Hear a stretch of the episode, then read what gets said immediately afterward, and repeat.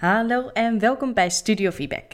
Ik ben Ietske, oprichter van Studio Feedback, een platform over zwangerschap en bevallen na een. In deze podcast deel ik mijn eigen ervaringen, mijn kennis als doula, maar ook inspirerende ervaringsverhalen en informatieve expert-interviews met als doel een positieve bijdrage te leveren aan jouw persoonlijke feedback journey. Een van de allerleukste dingen aan uh, de zwangerschapscursus uh, bevallen na een keizersnede is eigenlijk het persoonlijke contact met, uh, met de cursisten. En um, ja, dat je hun traject volgt, hun proces en, en ook dus uiteindelijk hoort van nou, hoe is de bevalling van hun kindje gegaan. En vandaag heb ik een cursiste gast, namelijk Nina. Hartelijk welkom Nina. Ja, dankjewel. Ja, we hebben uh, ja, tijdens de maandelijkse live sessies uh, best wel veel contact gehad en daartussendoor ook een beetje. En ik weet natuurlijk in notendop hoe de geboorte uh, van je tweede kindje is gegaan. Maar dit is ook voor mij de eerste keer om het hele verhaal te horen. Dus ik kijk er ook zelf enorm naar uit. Ja, ja, nou ja, vertel misschien eerst even iets over jezelf. Want je hebt, ja, je hebt Nina, hebt twee kindjes. Twee kindjes, uh, Ted en Juna. Uh, en ik heb een vriend Patrick. Um, ik ben 34 jaar en nou ja, drie maanden geleden dus is mijn dochtertje Juna geboren. Ja, en um, ja, Ted is je oudste. Wil je beginnen met zijn geboorte? Ja, ja. Uh, nou ja, ik werd uh, zwanger van Ted uh, midden in de coronatijd. Um, het was eigenlijk een hele fijne, goede zwangerschap. Ik voelde me ook heel positief en blij de hele zwangerschap. Um, nou ja, eigenlijk is alles dus een beetje verlopen zoals je, ja, geen bijzonderheden noem je dat dan. En ik weet nog dat ik vooral uh, heel erg veel vertrouwen erin had uh, in de bevalling. Uh, ik had een verloskundige praktijk, ehm, nou ja, best wel meerdere verloskundigen. En daar heb ik toen een bevalplan mee gemaakt. ik weet nog dat ik, nou ja, wel al wist dat ik zo min mogelijk interventies wilde, dat ik graag thuis wilde bevallen. Um, geen pijnbestrijding het liefst. Uh, dus zo stond ik er wel een beetje in. Maar uh, qua voorbereiding had ik gewoon een, uh, ja, een online basiscursus gedaan. En verder heb ik geloof ik toen wel een boek gelezen, maar niet heel veel aandacht aan besteed. En um, nou ja, het was dus heel rustig door corona. Het was echt wel in de tijd met de strenge lockdowns. Uh, dus uh, veel tijd om uh, gewoon rustig thuis aan te doen en met mijn vriend samen alles voor te bereiden. Um, nou ja, en toen ging ik richting de 42 weken. Dus toen kwamen er toch ineens gesprekken om de hoek kijken ja, die ik niet had verwacht. Dus Um, nou ja, ik had de wens om thuis te bevallen, maar toen uh, na die 41 weken werd er toch wel gezegd van ja, als je thuis wil bevallen, dan moeten we nu toch wel een plan gaan maken en wel dingen gaan inzetten om dat nog voor elkaar te krijgen. En daar uh, werd dan een uh, inleiding mee bedoeld. Um, en ik, ja, ik wist helemaal van niks, dus ik, ik ging maar gewoon mee in wat ze zeiden. Dus um, uiteindelijk werd er gezegd nou ja, echt richting de 42 weken. Ik geloof 41, uh, eh, ja, twee weken voor die, uh, twee, twee dagen voor die 42 weken werd gezegd, nou, dan moet je nu naar het ziekenhuis voor een uh, ballonnetje. Dat is dan je enige kans om nog thuis te mogen bevallen, want dat was een soort pilot. Dan krijg je in het ziekenhuis een ballonnetje en dan kun je thuis afwachten. Nou, dat ballonnetje dat viel er de volgende ochtend uit. Gebeurde eigenlijk niks. ik had wel wat krampen gehad. Um, nou ja, toen was ik dus inmiddels 41,6. En toen kwam uh, de verloskundige ochtends thuis en die zei, nou dan ga ik nu je vliezen breken, want dat, ja, dat is dan echt je laatste kans om nog thuis te kunnen bevallen. Als het dan niet op gang komt, dan moet je naar het ziekenhuis, want met 42 weken, klokslag 12 uur, ben je medisch. En ik weet nog dat ik letterlijk heb gevraagd, klokslag 12 uur. Maar het is toch niet dat er één minuut voor 12 uur iets anders is dan die twee minuten daarna? Nee, ja, dan moet je, dan moet je naar het ziekenhuis, dan ben je medisch. Oké, okay, ja, wij waren gewoon helemaal uh, overrompeld of zo. Uh. Dus nou ja, zo geschieden. Um, mijn vliezen werden gebroken. Ik heb de hele dag veel vruchtwater verloren. En uh, die avond dacht ik wat uh, verkleuring te zien. Nou, we hadden natuurlijk wel gehoord dat je goed moet kijken of het wel helder is. Dus uh, zijn voor de zekerheid uh, door de verloskundige alvast naar het ziekenhuis gestuurd, omdat we ja, een uur later toch medisch zouden worden. Dus toen zijn ze in het ziekenhuis gestart met een infuus, oxytocine, weeopwekkers. En ehm, nou ja, lang verhaal kort. Uh, er gebeurde weinig met de ontsluiting, want ik geloof dat ik met 2 centimeter begon. En uh, s ochtends vroeg had ik 4 uh, centimeter. Toen kwamen ze er nog achter dat mijn vliezen niet helemaal goed gebroken waren. Um, en ondertussen hadden ze al in vrij rap tempo dat, dat infuus omhoog gezet. Dus ik zat al aan de max van wat je dan mag hebben maar nog niet heel extreme weeën, wel wat weeën. Maar toen ze dat uh, vlies dus goed brak, nou, toen barstte het los. Dus uh, toen was het ook gelijk van 0 naar 100 uh, eh, niet meer te houden. Dus toen heb ik geloof ik nog twee uur, nou ja, op, op mijn tanden gebeten. Of nee, hoe noem je dat? Nou ja, in ieder geval was niet te doen. Ehm mijn vriend is best uh, stoere kerel en helemaal niet zo uh, uh, van nature heel zorgzaam of empathisch. Dat kan hij wel heel goed, maar dat is niet zijn natuur. Maar die heeft staan meepuffen alsof zijn leven er vanaf hing. Dus dat oh. was wel typerend. Achteraf vond ik van hoe zwaar, hoe zwaar ik het had. Maar goed, uiteindelijk dus om een ruggenprik gevraagd, want dat was niet meer te doen. Nou, ook met die ruggenprik nog urenlang maar die ontsluiting ging niet verder. Dus toen, uh, nou, uiteindelijk werd er om drie uur s middags, uh, of om twee uur s middags besloten van, ja, er gebeurt niks. Dus uh, we moeten een keizersnee doen. Of we adviseren dan toch een keizersnee. Nou ja, daar was ik toen al lang blij mee, want ik was al vanaf de avond ervoor bezig. En er, ja, er schoot, schoot geen centimeter op. Um, nou ja, en toen is er dus een keizersnede gedaan. En dat was dus echt een hele ja, aparte ervaring, want uh, uh, nou, je hebt nu natuurlijk een beetje gentle uh, en dat idee heb ik niet per se dat dat zo ja, gedaan is. Dus het is echt, de baby is eruit gehaald, mijn zoontje is eruit gehaald. Die is nagekeken, die heeft, nou ik denk één minuut bij mij op de borst gelegen en die is daarna met mijn vriend naar de kraamafdeling gegaan nou ja, toen ben ik natuurlijk gehecht en naar de uitslaapkamer gegaan. En toen is er iets misgegaan met uh, in de communicatie dat ik opgehaald moest worden uit die uitslaapkamer. Uh, want mijn zoontje was inmiddels naar de kinderafdeling uh, overgeplaatst, omdat hij wat benauwd was. en nou ja, toen is het zo gelopen dat ik pas twee uur later uh, ben opgehaald. En dus pas twee uur later mijn zoontje zag, die helemaal aan de infusen lag. En uh, met allemaal plakkertjes en geluidjes en dingetjes. En nou ja, de artsen waren weg, dus alleen de verpleegkundigen liepen daar nog en mijn vriend. En niemand kon me nou heel duidelijk vertellen wat er aan de hand was. En uh, ik was nog helemaal stoned van al die ja, medicatie en dingen. Dus ik, ja, je, je denkt ook maar van wat is dit allemaal? Maar achteraf is dat wel uh, bepalend geweest voor uh, hoe mijn uh, ja, tweede zwangerschap en bevalling eruit hebben gezien. Omdat ik daar toch wel, nou ja, dat heeft, me wel, heeft wel wat met me gedaan. Ja. Um, uiteindelijk is alles met mijn zoontje goed gekomen. Die, hij heeft vier dagen is hij in het ziekenhuis geweest, heeft antibiotica gehad. Het was een vermoeden van infectie, wat uiteindelijk, nou ja niet, uh, niet, niet zo ernstig was. Want hij was gewoon hartstikke fit en uh, blij en uh, actief als baby al. Dus nou, we wilden hem zo snel mogelijk mee naar huis nemen. En ja. hartstikke leuke, leuke, lieve, blije baby. Dus ja. Gelukkig. Hij heeft er weinig aan overgehouden. wel bij elkaar op de, op de kamer blijven in de dagen dat hij in het ziekenhuis lag? En jij dus, denk ik ook? Ja, nee, die eerste twee dagen niet. Omdat ik natuurlijk door die keizersnede ook, uh, nou sowieso de eerste 24 uur echt uh, in een bed lag. Dus ik werd ook steeds in het bed naar de kinderafdeling gereden. Was echt een gedoe om hem te zien. Eh, en ik geloof dat ik dan na die eerste dag in een rolstoel zat.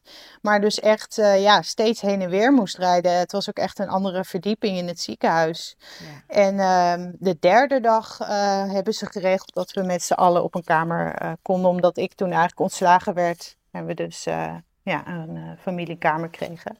Oh, gelukkig. Dus dat was, dat was heel fijn. Ja, want ja, ja de, inderdaad, die eerste twee dagen was dus echt een beetje heen en weer pendelen. Ja, ja en dan, ja, dan moet je telkens op zo'n knopje drukken als je denkt van... oké, ik wil nu graag naar mijn kindje toe. Dan moet iedereen, iemand ja. maar net even tijd hebben om jou te kunnen brengen. Want dat is heel goed ja. inderdaad verschillende verdiepingen en... Ja, ze, maken dan ook vaak best wel duidelijk een onderscheid van voor wie welke zorg is. Dus de, de zorg voor jou is echt, nou ja, daar is een team voor. En de zorg voor je kindje is een ander team voor. En ja, dat kan niet gemixt worden. En oh ja, het is heel ingewikkeld. Ja, ja. en wel, we gingen wel naar huis met echt het idee van, wauw, wat zijn uh, ja, de verpleegkundigen hier lief en zorgzaam en uh, meedenkend. Dus dat, uh, dat zeker complimenten voor de oh, zorg. Fijn. Aan de andere kant uh, wilden wij graag heel veel zelf doen. En merkten we dat we dat echt wel steeds aan elke verpleegkundige, want ze wisselen natuurlijk op een dag een paar keer, moesten we echt steeds zeggen: nee, we willen graag zelf uh, voeden en verschonen. En uh, ja, dat, dat, ja, wij zijn de ouders. Ehm, en dat, nou ja, vooral dat mijn vriend, want die ja, was natuurlijk het meest mobiel, waren ze niet helemaal gewend dat hij ook zo actief wilde meedoen. Dus dat was wel grappig. Ja, Je wordt dan wel telkens uitgedaagd om heel erg voor jezelf op te komen. En te, toch ja. zeggen van ja, heel fijn, maar sorry, we willen het graag zelf doen. Dankjewel. Ja, ja, ja, ja. ja we hebben ook echt moeten strijden dat de antibiotica uh, via zijn mond uh, toegediend werd. Omdat zijn infuus zat de hele tijd niet goed. En op een gegeven moment moest het voor de zoveelste keer opnieuw geprikt worden. En toen zeiden wij van ja... toen hadden we gehoord, het kan ook via, de, ja, via je mond. Uh, maar dat willen ze liever niet, omdat als je kindje het, uh, de voeding teruggeeft, dan uh, is die antibiotica natuurlijk ja. Uh, ja. niet naar binnen gegaan. Dus, maar daar hebben we, ja, we hebben de eerste dagen al echt moeten opkomen voor onze wensen en ja, voor wat wij als beste zagen voor ons zoontje. Ja, ja. dus dat was een goede oefening voor later. Nee, je zei al, de, die, die ervaring is tekenend geweest voor hoe je de tweede zwangerschap inging. En, en je voorbereiden op de, de tweede bevalling. Ja. ja. Kan je daar wat meer over vertellen? Ja, ehm, dus toen Ted, uh, ik even goed zeggen, uh, half was ongeveer, nee, nou moet anderhalf, nee, even denken. Uh, anderhalf, ja. toen dachten wij, waren we wel, uh, nou ja, uh, toe aan uh, te proberen voor een tweede kindje.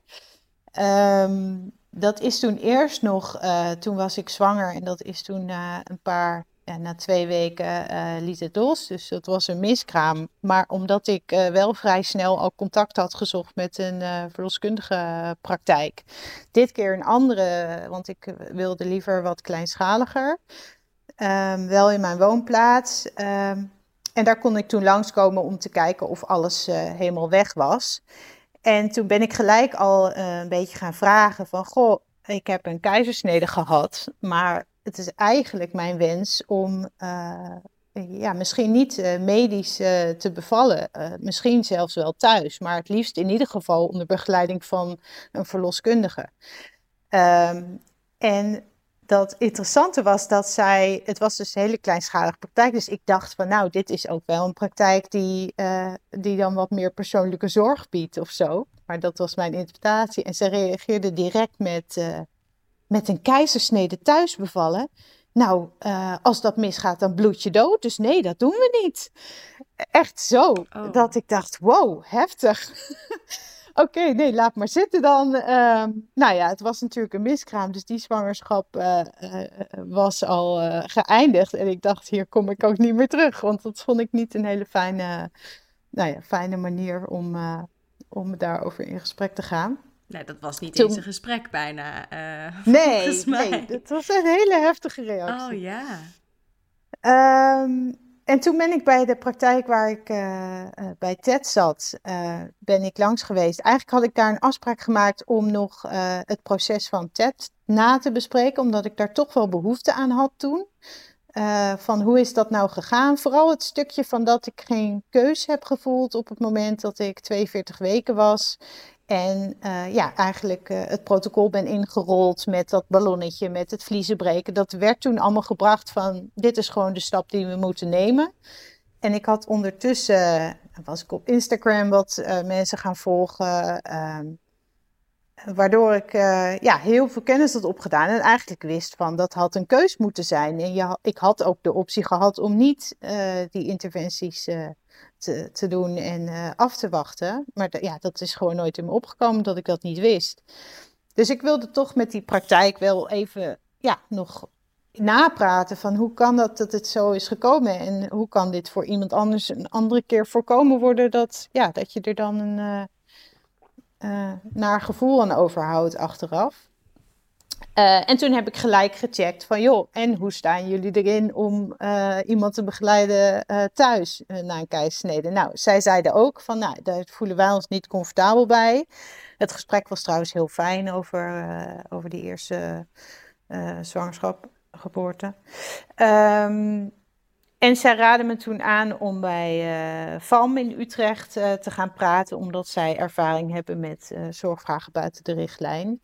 En ik had hen zelf ook al voorbij zien komen. Ehm, ik woon zelf alleen net, uh, net niet in Utrecht. Dus, uh, maar ik dacht, ja, dan ga ik toch, uh, toch met hun verder als, nou, als ik nog een keer zwanger mag worden. En dat, dat lukte gelukkig twee maanden later. Um, dus toen ben ik bij FAM terechtgekomen en nou ja, die stonden er inderdaad wel voor open om nou, daar in ieder geval over in gesprek te gaan, uh, die hebben me niet meteen de deur gewezen. ja, dus um, ja, ja, ja. Ja, dus de, ja, toen werd ik zwanger van Juna. Um, dat vond ik wel een iets, iets bitterige, pittigere zwangerschap. Maar dat heeft denk ik ook wel te maken met dat je gewoon minder rust kan pakken als je ook een dreumes uh, slash peuter hebt uh, rondlopen. Dus ik voelde me wel wat meer moe en wat meer uh, prikkelbaar dan, dan met de eerste zwangerschap, maar alsnog geen, geen gekke dingen of bijzonderheden. Um, wat ik wel anders heb gedaan trouwens, is dat ik de uitgerekende datum voor mezelf heb gehouden tijdens de zwangerschap omdat ik die eerste keer toch ook wel ervaarde dat, vooral toen ik over de 40 weken heen ging, nou ja, ook heel lief bedoeld in de omgeving veel gevraagd werd van, uh, gebeurt er al wat? Alsof je dan ook zou zeggen, nou ja, inderdaad, ik heb nu weeën. Leuk, ja, leuk dat je het vraagt. Uh, dat zou je ook niet delen. Nee, je zit zelf natuurlijk ook elke dag uh, ja, uh, te wachten van gebeurt er al wat. En nou ja, dan wordt de druk nog iets opgevoerd. Dus dat, dat wilde ik liever niet. Dus ik heb het een beetje globaal gehouden.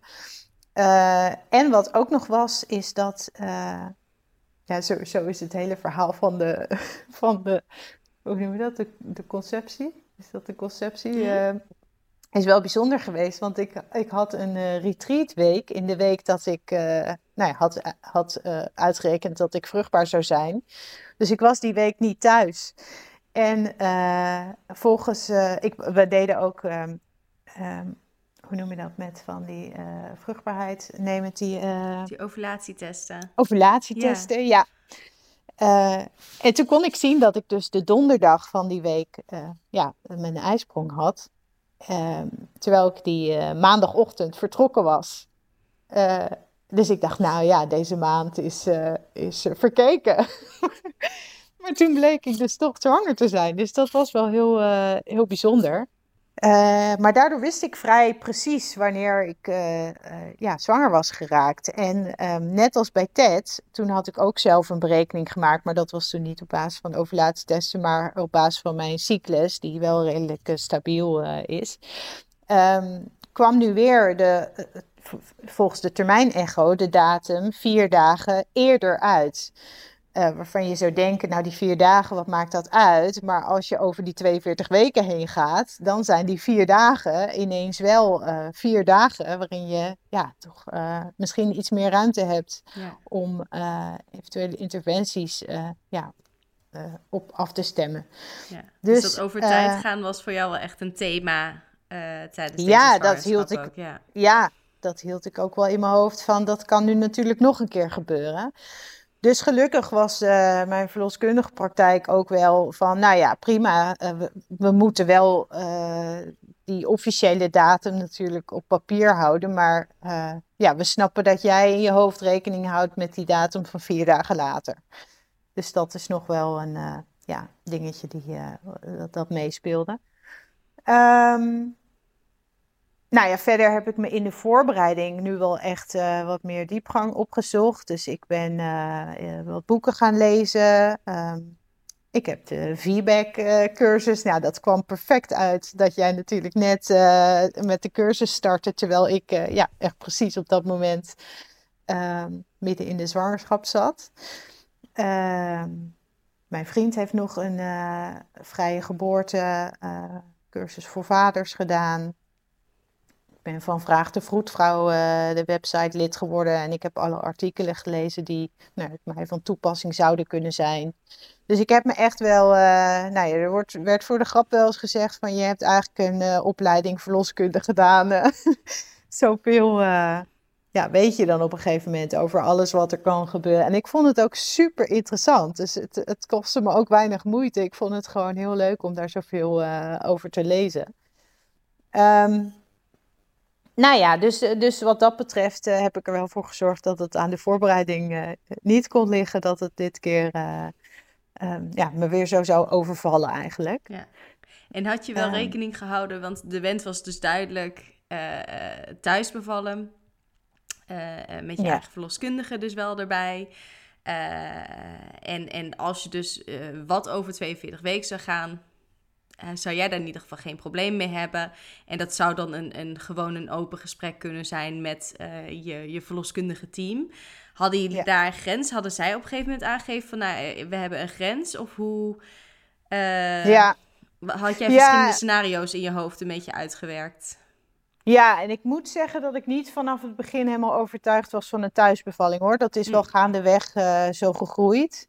Um, en het klinkt nu ook allemaal heel makkelijk, maar hier zijn er ook wel veel gesprekken. Bijvoorbeeld dat ik überhaupt dus uh, uh, niet in eerste instantie medisch wilde bevallen.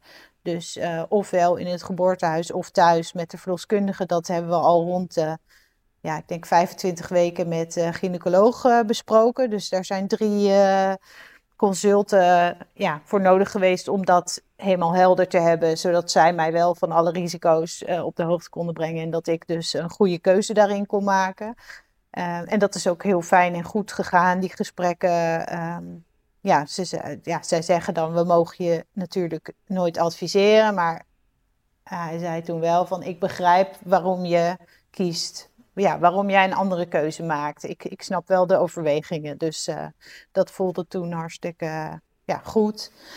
Um, en ja, ja toen uh, kwam dus richting het einde kwam pas die serotiniteit op de hoek kijken. Um, want daar ga je natuurlijk pas over praten als er ook sprake van is. dus dat kwam ja, zo rond die 40 weken. Um, uh, kwamen weer opnieuw gesprekken met, uh, met de gynaecoloog uh, over. Want ja, dan heb je een tweede indicatie. om eigenlijk medisch te bevallen. Waar, waarvan ik dus ja, voor een tweede keer zei. ik wil eigenlijk niet mee in het protocol van een inleiding. Um, en ook mijn verloskundigen hebben dat samen. Het is een kleine praktijk met. nou, ze waren toen met z'n drieën. Uh, wat ze echt samen ook wel moesten bespreken van staan we hier allemaal achter om dus uh, ja, ja, twee indicaties uh, thuis te be begeleiden. En omdat ze zeiden van ja, die kans dat het litteken scheurt, dat is natuurlijk een risico. En er komen risico's kijken bij die serotiniteit, maar die hebben niet, die verhogen elkaar niet. Dus het zijn twee losstaande risico's, dus omdat dat niet ging stapelen, hadden zij nog. Nou, dat spreek ik nu voor hun, maar ik had het idee dat dat voor hun de reden was om te zeggen: van nou, we willen je wel thuis begeleiden, want het is niet dat ineens het risico veel hoger wordt dat er iets uh, gebeurt. Het zijn gewoon twee verschillende ja, risico's. Ja. En wat voor mijzelf. Uh, het belangrijkste was, vind ik ook wel interessant om te vertellen. Ehm, ja, je kan natuurlijk kijken van, oké, wat is het risico? Voor het risico dat er iets gebeurt, is, dat is voor iedereen natuurlijk anders te interpreteren. Maar voor mij was dat heel erg klein. En ehm, in het ziekenhuis bevallen zou voor mij betekenen dat, dat, er, dat er ook risico's bij komen. Namelijk dat ik voor mijn gevoel niet in een veilige omgeving kan bevallen. Uh, waardoor ik sowieso al een nadeel heb. Ik, uh, ja, ik vind het lastig om uh, goed uit te leggen, maar ik denk dat het een van de belangrijkste dingen voor een, voor een bevalling is dat je je fijn en veilig voelt, zodat die hormonen hun werk kunnen doen. En als ik in een ziekenhuis zou binnenstappen, dan zou ik daar al eigenlijk 1-0 in achter staan. Ja. Dus voor mijn gevoel was het kiezen tussen, oké, okay, of een hele kleine kans dat bijvoorbeeld je litteken scheurt. En ja, dan ben je wel echt de sjaak als je dan thuis bent. Want dan ben je gewoon in het nadeel omdat je dan nog uh, tijdsverlies hebt uh, voordat je in het ziekenhuis bent. Maar aan de andere kant, als ik in een ziekenhuis ga bevallen, dan weet ik zeker dat ik een bepaald uh, nadeel heb. Um, dus ja, het is een beetje kiezen tussen welke, welke kies je dan. En ik koos dus voor de hele kleine kans, maar dan wel thuis. Ja. Um, en de verloskundige wilde dat dus in eerste instantie wel begeleiden. En die hadden wel de 43 weken um, als grens om zich nog comfortabel te voelen. En dat er geen andere dingen zouden oppoppen, zoals meconiumhoudend vruchtwater of andere dingen die nog mee kunnen spelen, waardoor je wel weer meer risico's ook krijgt. Uh, dus dat was voor hun uh, ja, ja, Wel, uh, wel een overweging die ze met mij hebben besproken. Maar ook, ja. dat is natuurlijk als je, als je weer aan het einde komt en richting die 42 weken gaat, dan zit je zowat uh, dagelijks bij elkaar. Ik zat om de dag in het ziekenhuis voor controles. En uh, nou, tussendoor dus ook met de verloskundige of aan de telefoon. Of je spreekt elkaar zoveel. Wat ook wat doet hoor. Want uh, ja, daardoor kom je natuurlijk ook niet heel erg in de rustige afwachtmodus. Uh, maar ben je toch wel, of ik was toch wel veel in mijn hoofd bezig met wat er allemaal gaande was. Ja. Uh, en telkens weer opnieuw afwegen. ja. Um, nou ja, uiteindelijk uh, was ik dus inderdaad in het ziekenhuis voor zo'n CTG en een controle.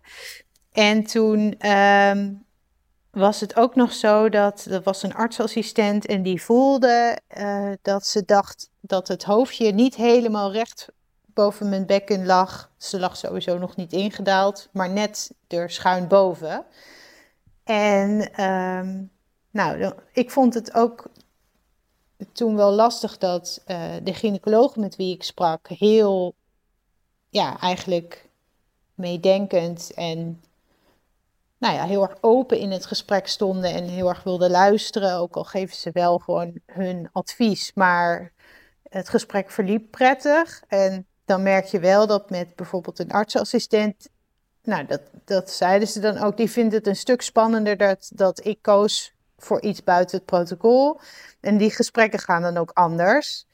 Uh, nou ja, en in dit gesprek gaf zij dus aan van ja, nou, het hoofdje lag niet recht, dus dat is natuurlijk sowieso dan niet, uh, niet fijn. Want uh, uh, als je vliezen dan breken, heb je ook nog kans dat, ja, dat niet het hoofdje voor de opening zakt, maar iets anders. Ja, dat dus brengt weer. Bang voor dat de navelstreng ja, eigenlijk knel raakt en dat daardoor ja. zuurstoftekort kan ontstaan. Ja, natuurlijk ook heel zeldzaam, maar dat, dat zou een scenario kunnen zijn. Uh, nou ja, of er werd zelfs gesproken over misschien wordt het een dwarsligging. Nou, dan kun je oh, überhaupt niet vaginaal bevallen. Dus dat kwamen in één gesprek heel veel dingen, uh, ja, popten op, waardoor ik helemaal... Oh, ze zei ook nog... Uh, ja, omdat er bij de eerste bevalling eigenlijk nooit een verklaring is geweest waarom die ontsluiting niet vorderde en waarom je een keizersnede had. Uh, we kunnen ook helemaal niet uitsluiten of jouw bekken misschien uh, niet groot genoeg is. Ja, ik weet nou, het nog. Ja. ja, dat is het moment dat ik jou heb geappt ja. van... Oh my god, help, want ja. ik ben nu een beetje in paniek. Ja. Um, maar, en ik moet ook zeggen dat door uh, dat ik me zo had, erg had ingelezen en dat ik weet dat uh, een te klein bekken ook heel zeldzaam is. Dat ik dacht, nou, ze gooit deze wel heel makkelijk in. En ik vind het eigenlijk, om dat tegen een hoogzwangere vrouw die nog moet bevallen te zeggen, vind ik eigenlijk best wel ernstig. Want hoe weinig vertrouwen geef je iemand als je zegt, we kunnen niet uitsluiten. Ja, uh, nou goed, dus uh, toen, dat was wel even een stressmomentje. Uh, en die uh, middag moest ik toevallig ook nog bij de verloskundige zijn voor een inwendig onderzoek. En zij constateerde dat het ook nog echt helemaal dicht zat. Dus mijn baarmoedermond was nog niet verweken of iets.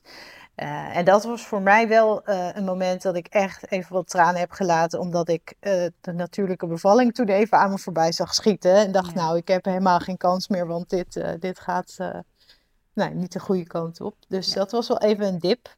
En, ja. Terwijl dat, dat zijn ook allemaal gewoon maar aannames. En weet je, je kan op één moment geen enkele centimeter ontsluiting, alles zit nog potdik, potdicht helemaal naar achteren. En een uur later beginnen de... Je weet het gewoon niet. Maar dit zijn niet de signalen waar je natuurlijk op hoopt op zo'n moment. Nee. En zeker na zo'n gesprek met een artsassistent die er van alles ingooit. Nee, dan kan ik me voorstellen dat je even verslagen voelt. Ja, ja. En uh, nou ja, toen heb ik... Want ik had in principe uh, natuurlijk uh, gedacht om thuis te bevallen met een hele fijne verloskundige. En toen dacht ik, oeh, nu komt misschien toch die medische bevalling wel dichtbij.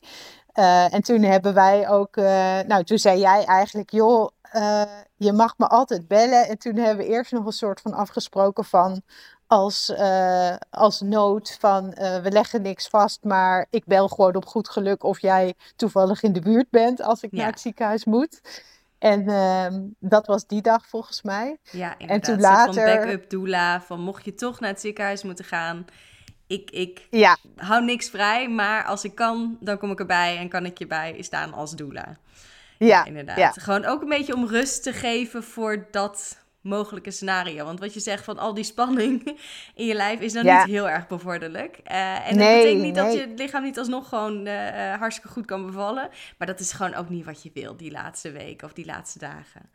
Nee, nee, nee. En, en uh, later hebben we toen nog, uh, want toen kwam echt, uh, ja, de, hoe dichterbij je komt, je gaat toch steeds meer scenario's schetsen. En toen hebben we wel vastgelegd van, nou, mocht het inderdaad een medische bevalling worden, dan, dan kom jij erbij. Dus dat was wel een fijne geruststelling van, ja. oké, dan hebben we in ieder geval jou erbij, ehm, nou ja, als support en ook nou ja, in, de, in de begeleiding. Dat, dat voelde heel fijn. Ja.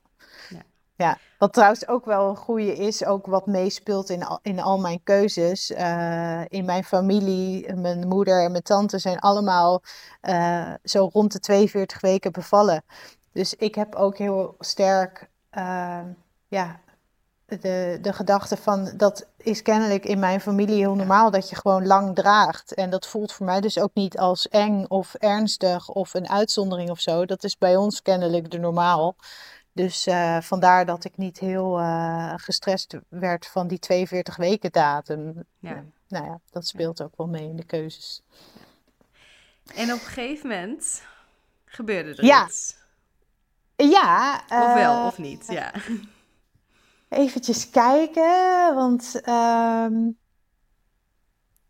ja, volgens mij hebben we toen zelf, uh, dat was dus echt de laatste week dat ik, uh, nou ja, dat ik over die 42 weken, nee, toen was ik al over de 42, dat ik richting de 43 ging. Uh, toen hebben ik en mijn vriend wel tegen elkaar gezegd van oké, ehm, sowieso, hij heeft mij uh, heel erg uh, gesteund in, in mijn keuzes. Het was toch wel een beetje mijn dingetje, omdat ik er zoveel mee bezig was geweest. En hij aan de zijlijn wel alles snappende, maar iets minder gepassioneerd over het onderwerp. Um, hij had op een gegeven moment ook door alle gesprekken, en het was gewoon heel intensief, zoiets van: Goh, ik zou het niet erg vinden als het toch een keizersnede wordt, een geplande keizersnede. En toen hadden we tegen elkaar gezegd van oké, uh, ik, ik, wilde het vooral heel graag de kans geven om natuurlijk op gang te komen. Omdat ik dat bij de eerste het gevoel had van ik heb gewoon de kans nooit gehad. Ehm, dus we hadden uh, tegen elkaar gezegd van nou, als ehm, volgens onze eigen, ja dan moet ik het goed zeggen, want die vier dagen verschil zaten er natuurlijk tussen. Maar als het volgens onze eigen berekening. Ehm, oh, even denken. Want ik ben uiteindelijk. Uh, nou goed. Volgens mij 43 plus 1 was voor ons een beetje de, de uiterste uh, datum. En toen uh, zeiden we, nou, dan, dat was een maandag. Uh, dan willen we wel een, een keizersnede plannen. Als dat, dus dat bespraken we in die week daarvoor. Ja. Um, alleen toen op woensdagavond om 11 uur, ehm, ik lag al in bed, toen voelde ik wat, ja, wat lopen. Um, en het was niet heel duidelijk van zijn dit nou gebroken vliezen, maar het was wel dat je wat voelt. dus ik, had, ik lag op zo'n, uh, ik had zo'n onderlegger op mijn matras en daar, ja, daar zag je dus heel licht wat, wat druppeltjes. Dus ik toch nog s'avonds de verloskundige gebeld van joh ja, ik was natuurlijk al over die 42 weken, dus ze zei van ja bel maar, al, bel gewoon als, je wel, als er wat is. Um, en zei ze, nou, ik kom morgenochtend langs en dan, uh, dan kijken we even hoe of wat. Ga gewoon lekker slapen.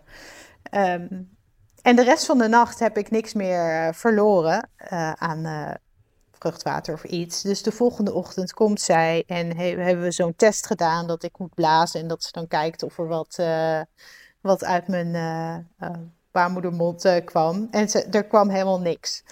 Dus zei ze, ja, ik kan geen gebroken vliezen vaststellen.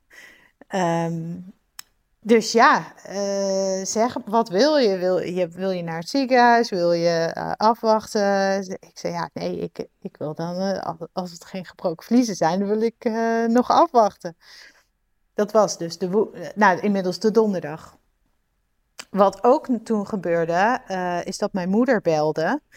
Um, ja, dat is even een zijspoor, maar mijn oma, dat is al een tijdje heel dement. Uh, en die ging heel slecht. En die belt dus die ochtend en die zegt: Joh, uh, oma is overleden uh, gisteravond om 11 uur. En ik dacht: Nee, joh. Ik, zei, ik heb op de klok gekeken, precies om 11 uur was dat ik dus dat, dat vocht verloor. Dus ik dacht, nou, dat kan niet. Ik zeg tegen moeder, volgens mij zijn gisteren mijn vliezen gebroken om 11 uur. Maar goed. Um, dus dat. Uh, ik moet zeggen dat het was natuurlijk heel verdrietig, maar ik, ik heb dat wel uh, een soort van aan de kant gezet, omdat ik, uh, ja, ik had daar geen ruimte voor om daar heel, heel veel mee bezig te zijn. en het was ook wel de situatie dat we eigenlijk ehm, nou ja, blij waren dat mijn oma het, het lijden bespaart. nou ja, ze heeft genoeg geleden, dus het, het blij dat zij de rust heeft gekregen, zeg maar. Um, maar betekende wel dat er een uitvaart aan zat te komen. En dat, ja, dat gaat dan ook mee, meespelen. Want uh, ik had een hele goede band met mijn oma. Dus uh, ik, die uitvaart wilde ik niet missen. Uh, dus nou, dat was de donderdag. En nou, die donderdagavond begon het water wel echt langs mijn benen te lopen. Dus toen was duidelijk, oké, nu zijn mijn vliezen in ieder geval wel gebroken. Um, nou ja, dus toch weer uh, lichte hoop gekregen dat het misschien dan toch uh, op gang zou komen. Uh, maar dat gebeurde niet. Dus uh, inmiddels was het vrijdag, stond weer een controle in het ziekenhuis gepland, CTG. en toen, ja, toch in gedachten houdend, mijn vliezen zijn dus of woensdagavond of donderdagavond gebroken. en dan kun je niet meer, of dat vonden wij niet prettig om nog eindeloos af te wachten. Want uh, ja, dan gaat toch op een gegeven moment ook weer andere risico's. Nou, ik had al twee indicaties, dus dit was dan de derde. Um, En uh, toen had die dag de gynaecoloogdienst die, uh, de moeder geassisteerde keizersnee zou kunnen doen. Nou was mij al wel verteld eerder die week, want toen is het wel ter sprake, elke scenario kwam steeds ter sprake, dat die eigenlijk niet spontaan gedaan kan worden, omdat dat ja, toch wat anders gaat dan een, een reguliere keizersnede. Um, maar ik had dus wel al eerder laten vallen dat dat een, als het een keizersnee zou moeten worden, dat die moeder geassisteerde dan wel mijn zou zijn. Um, nou ja, de, de gynaecologen waren natuurlijk al lang blij dat ik uh, niet langer wilde afwachten. Want die uh, hebben ook wel gezegd van ja, je bent toch wel ook besproken in het team. Um, dus ook wel van nou, dat ze toch wel gerust zouden zijn als ik zou zeggen van oké, ik, ik kom naar het ziekenhuis of ik blijf in het ziekenhuis. Ja, dan hebben zij een gevoel van controle. Ja. Um, dus die was al lang blij dat ik zei van goh, ja, um, we, we, nou ja, we wilden dan voor een keizersnee gaan en dan het liefst een moeder geassisteerde. En dan heb ik ook eigenlijk nog niet verteld dat een inleiding. Dus dat was natuurlijk ook een optie geweest om aan, de, aan het infuus weer te gaan. Maar dat was vanwege de eerste ervaring en ook vanwege dat dan de risico's op het scheuren van het litteken weer oplopen. Ehm, er is ook gezegd van ja, alles zit nog zo dicht. De kans dat het een langdurige inleiding wordt met, nou ja, altijd heb je natuurlijk de kans dat het op een keisnede uitloopt, maar die is dan ook best wel groot.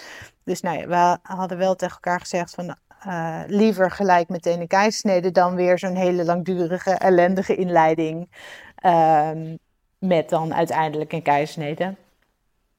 Natuurlijk hadden we dan ook een kleine kans gehad dat het, uh, dat het wel natuurlijk uh, geboren zou worden. Maar dat, ja, dat, dat was wel mijn minste. Ehm, het, het, ja, het, ja, het scenario. scenario. Dat, ja. ja, en toen zei de gynaecoloog van nou, ik ga even overleggen. En hij kwam terug en hij zegt, weet je, ik heb het voor je geregeld. We gaan de moeder geassisteerde keizersnede doen. Ik heb een team bij elkaar die dat wil doen. Want dat uh, kost kennelijk, uh, het kost sowieso meer tijd in de OK, dus het moet maar net passen die dag. En uh, nou, je moet er de mensen voor hebben. Eh, dus het was heel bijzonder dat dat zo op de dag zelf geregeld kon worden. Dus nou ja, de dag zelf, twee uur later, lag ik op die OK. Dus dat was super tof. En ehm, nou ja, dan word je dus helemaal voorbereid. Er wordt helemaal doorgesproken van hoe het in zijn werk gaat. Je bent dan echt onderdeel van het team, want je wordt zelf helemaal steriel gemaakt. Dan moet je een beetje weten hoe je dat moet doen, want uh, je mag niks aanraken als je eenmaal steriel bent, want anders moet je alles weer opnieuw doen. En dat, uh, nou, dat kan natuurlijk, uh, dat kan, maar dat is lastig als je al zo weinig tijd hebt. Um, en dan, uh, nou ja, toen gingen ze dus beginnen. En wat ik al sowieso heel fijn vond, is dat ik heel uh, uh, helder was. Want ik, ja, ik ging natuurlijk gewoon helemaal fris die elkaar op. Dus ik maakte alles helemaal scherp mee. In tegenstelling tot de eerste keer, toen ik al urenlang aan zo'n infuus lag. En helemaal stoned op die elkaar lag, voor mijn gevoel toen. Um, dus dat was al heel, heel fijn. Um, nou ja, het stukje dat ze alles openmaken, dat zie je dan niet. Maar dan, uh, uh, als ze alles klaar hebben, dus dan halen ze het schermpje weg. En toen werd ik door mijn vriend omhoog getild ehm, vanaf mijn schouders, zodat ik zelf Juna uit de buik kon halen. En ik had eigenlijk gedacht dat ze haar dan al een soort van boven de wond zouden, boven mijn buik zouden houden en dat ik er aan mocht pakken. Maar ik mocht dus echt, ja, ik zag gewoon net het, het bovenste stukje van haar haartjes. Uh, dus ik, ik mocht haar gewoon echt helemaal geboren zien worden en haar helemaal zelf aanpakken. Echt ja, bij de armpjes en dan zo langzaam eruit trekken. En ze zeiden ook van neem echt je tijd probeer niet haar heel snel bij je te halen, want dan is het moment zo snel weg. Dus ik heb echt geprobeerd dat heel langzaam te doen. Ook heel bijzonder om dan te zien dat je kindje nog, ja, echt eerst natuurlijk gewoon een soort van slapjes, uh, ja, die, die, die zit nog in de buik. Dus die, uh, dat eerste moment, dat duurt even voordat ze doorhebben van, oh hé, hey, ik ben nu eruit. Dat ik zelf ook nog weet dat ik dacht van, oh, is dit nou oké? Want ze doet niks. Uh, maar ja, dat, ja, dat, dat moment uh, komt dan later. Uh, en toen is ze bij me gelegd. Um, en toen wilde ik eigenlijk het liefst dat ze echt bij me zou blijven. Maar um, uiteindelijk zei ook de anesthesist van ja, um, ze krijgt het ook koud, want wij moeten dan even van die warmtedekens neerleggen, zodat ze weer terug bij je kan, maar het dan warm heeft. Uh, dus dacht ik, oké, prima. Dus dat nakijken hebben ze toen wel even op een, uh, op een karretje ernaast gedaan. En toen is ze weer bij me gekomen. En toen is ze echt niet meer weggegaan. En dat was voor mij eigenlijk het belangrijkste. Um, naast de dingen van navelstreng laten uitkloppen. En dat hebben ze ook allemaal heel netjes gedaan. Um, maar dat, dat ze niet meer bij me weg is gegaan, dat, dat was voor mij het belangrijk. Ik heb zelfs de, er aan de borst gelegd op de OK. Oh, wow. um, ja, en uh, nou, dat was zo'n verschil met die eerste uh, keizersnede. Dus uh, daar kijk ik ook heel positief op terug. Ja. Ja, ja fantastisch dat dat geregeld kon worden. En wat je al zei, van ja, je, je rekent er eigenlijk er niet op, want dat was niet het scenario waarop jullie planden. Uh, nee. Maar dat het allemaal zo mooi samenkwam. En um, ja, kon je, kon je gelijk aan overgeven dat het zo anders ging dan de, de, de thuisbevalling waar je eigenlijk van droomde? Ook al was dit natuurlijk ook mooi. Kon je, ja, hoe was die switch in je hoofd? Ja, nou eigenlijk wat ik net al zei, dat ene moment dat die... Uh, uh, met die artsassistent en dat mijn verloskundige inwendig onderzoek deed. Uh, dat was voor mij echt, eh, echt een, uh, een dip. En dat ik ook mentaal, denk ik, de switch heb gemaakt van: oké, die ja, de grootste wens voor zo'n natuurlijke thuisbevalling Um, die heb ik toen denk ik wel een beetje laten varen. En toen ben ik wel langzaam die laatste dagen rekening gaan houden met dat het dus ook anders zou kunnen lopen. En ik heb vanaf het begin af aan wel gezegd, als het uiteindelijk een keizersnede wordt, is het ook prima. Maar ik wilde heel graag wel de kans hebben om het natuurlijk te proberen. Ja. En dat is wel het grote verschil met, uh, met die eerste uh, geboorte. Dat, dat ik nu het gevoel heb dat ik er alles aan heb gedaan om die natuurlijke bevalling een kans te geven. Um, ja, dat is uiteindelijk dan niet, uh, um, niet zo gelopen, maar uh, ja, nu kan ik er me, me erbij neerleggen dat dit ook uh, goed is. Ja. En ja, dus dat, dat is wel. Ik denk de regie behouden en dat er naar je geluisterd wordt, dat dat wel hele belangrijke elementen zijn daarin. Ja, en ik, ja. ik probeer in de cursus ook altijd heel duidelijk uit te leggen dat Um, het is niet de keuze tussen of een vaginale bevalling of een geplande keizersnede. Er zijn zoveel soort van gradaties daartussenin. Ja. En, en ja. je kan echt gaandeweg proberen te zoeken naar van waar liggen mijn grenzen. En bij jullie was bijvoorbeeld van we gaan niet die inleiding uh, nee. uh, aan. Dat, dat, weet je, dat was een ervaring, dat, dat, dat voelde niet goed. Uh, dan willen we liever een, een keizersnede op een rustige manier en, en niks aan de hand. Dat voelt voor ons beter. Dus dat is gewoon een grens. En ja, dat is vaak een heel traject om erachter te komen van waar liggen die grenzen dan precies? En hoe, ja. wat is voor mij belangrijk in, in de communicatie, hoe er met mij wordt omgegaan. Uh, uh, hoe de informatie uh, wordt gegeven. En dat, dat, ja, dat is gewoon een traject waar je dan vaak ja, een beetje, het ligt natuurlijk aan wanneer je begint, maar um, ja. je moet er een beetje doorheen. Het is een fase dat het dan tijdlang heel veel ruimte kan nemen in je hoofd. Ja. En als je dan die routes een beetje hebt uitgestippeld, wordt dat thema vaak wat kleiner. En kan je weer gewoon richten op de geboorte van je kindje. Ja. Um, ja. En, en volgens mij had, bij jou was dat ook wel een beetje. Dat het dan een tijd lang ben je echt heel erg aan het researchen en lezen en, en voorbereiden mentaal. En dan op een gegeven moment moet je gewoon ook wat meer in je lijf zakken en denken het, het, ja, ik laat het ook een beetje los. Ja, ja, was met mij wel laat, moet ik zeggen. Want ik, ik heb eigenlijk al, uh, ja, na de eerste bevalling ben ik dus al begonnen met, uh, met lezen en uh, researchen. En nou ja, dat, dat, is dus wat intensiever geworden toen ik zwanger was, inderdaad. En ik dacht in, ik dacht van, oh, er gaat een moment komen dat ik, dat, dat ik het even helemaal loslaat. Maar dat liep misschien dus samen met dat uiteindelijk die, ehm, 42 weken toch weer in de buurt kwam. Waardoor, ja. ja, ik, had het even losgelaten en toen moest ik er toch weer induiken. Dat is weer een nieuw thema waar je tot moet verhouden. Ja, ja. En ik moet zeggen, die inleiding, uh, het was nog een optie geweest als het wel op gang was okay. of zo, om een ja. zetje te geven. Dan had ik me er anders over gevoeld. Maar om weer helemaal uh, van uh, er gebeurt niks, dat in te zetten, dat durfde ik inderdaad niet aan. Nee, nee. nee. en daar hadden we allebei mijn partner dacht ook, oh nee, dat uh, niet nog een keer zoals nee. de vorige keer. Nee, nee. Goed, ja. nee en dat, dat is ook zo persoonlijk, hè, waar, die, waar die grenzen liggen. En ja. wat goed voelt en, en wat niet. Weet je, iemand anders zou denken, denken, prima, weet je, ik ga rustig stapje voor stapje die, die inleiding aan en we zien waar het, uh, waar het schip strandt. Ja, en ja, uh, ja dat, dat kan je alleen voor jezelf bepalen waar die grens ligt. Ja, ja en... Um nou ja, dat vind ik ook wel uh, een aanrader uh, uh, voor, voor mensen die net beginnen of zo. Van ja, luister naar je eigen gevoel of zorg ook dat er naar, naar je geluisterd wordt. Want ieder scenario is anders voor iedereen.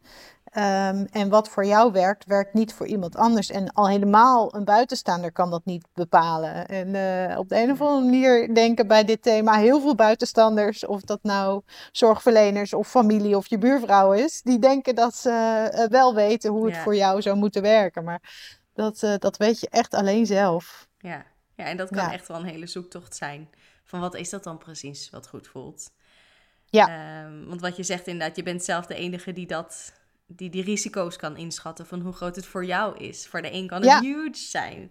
Onacceptabel. Ja. En voor een ander is het iets dat je denkt, nou ja, als ik alles naast elkaar leg, is nou ja, dit scenario voor mij het beste. Dus ja, dat kan echt wel een hele zoektocht zijn om, uh, om ja, erachter te komen hoe, hoe je, ja, wat eigenlijk goed voelt.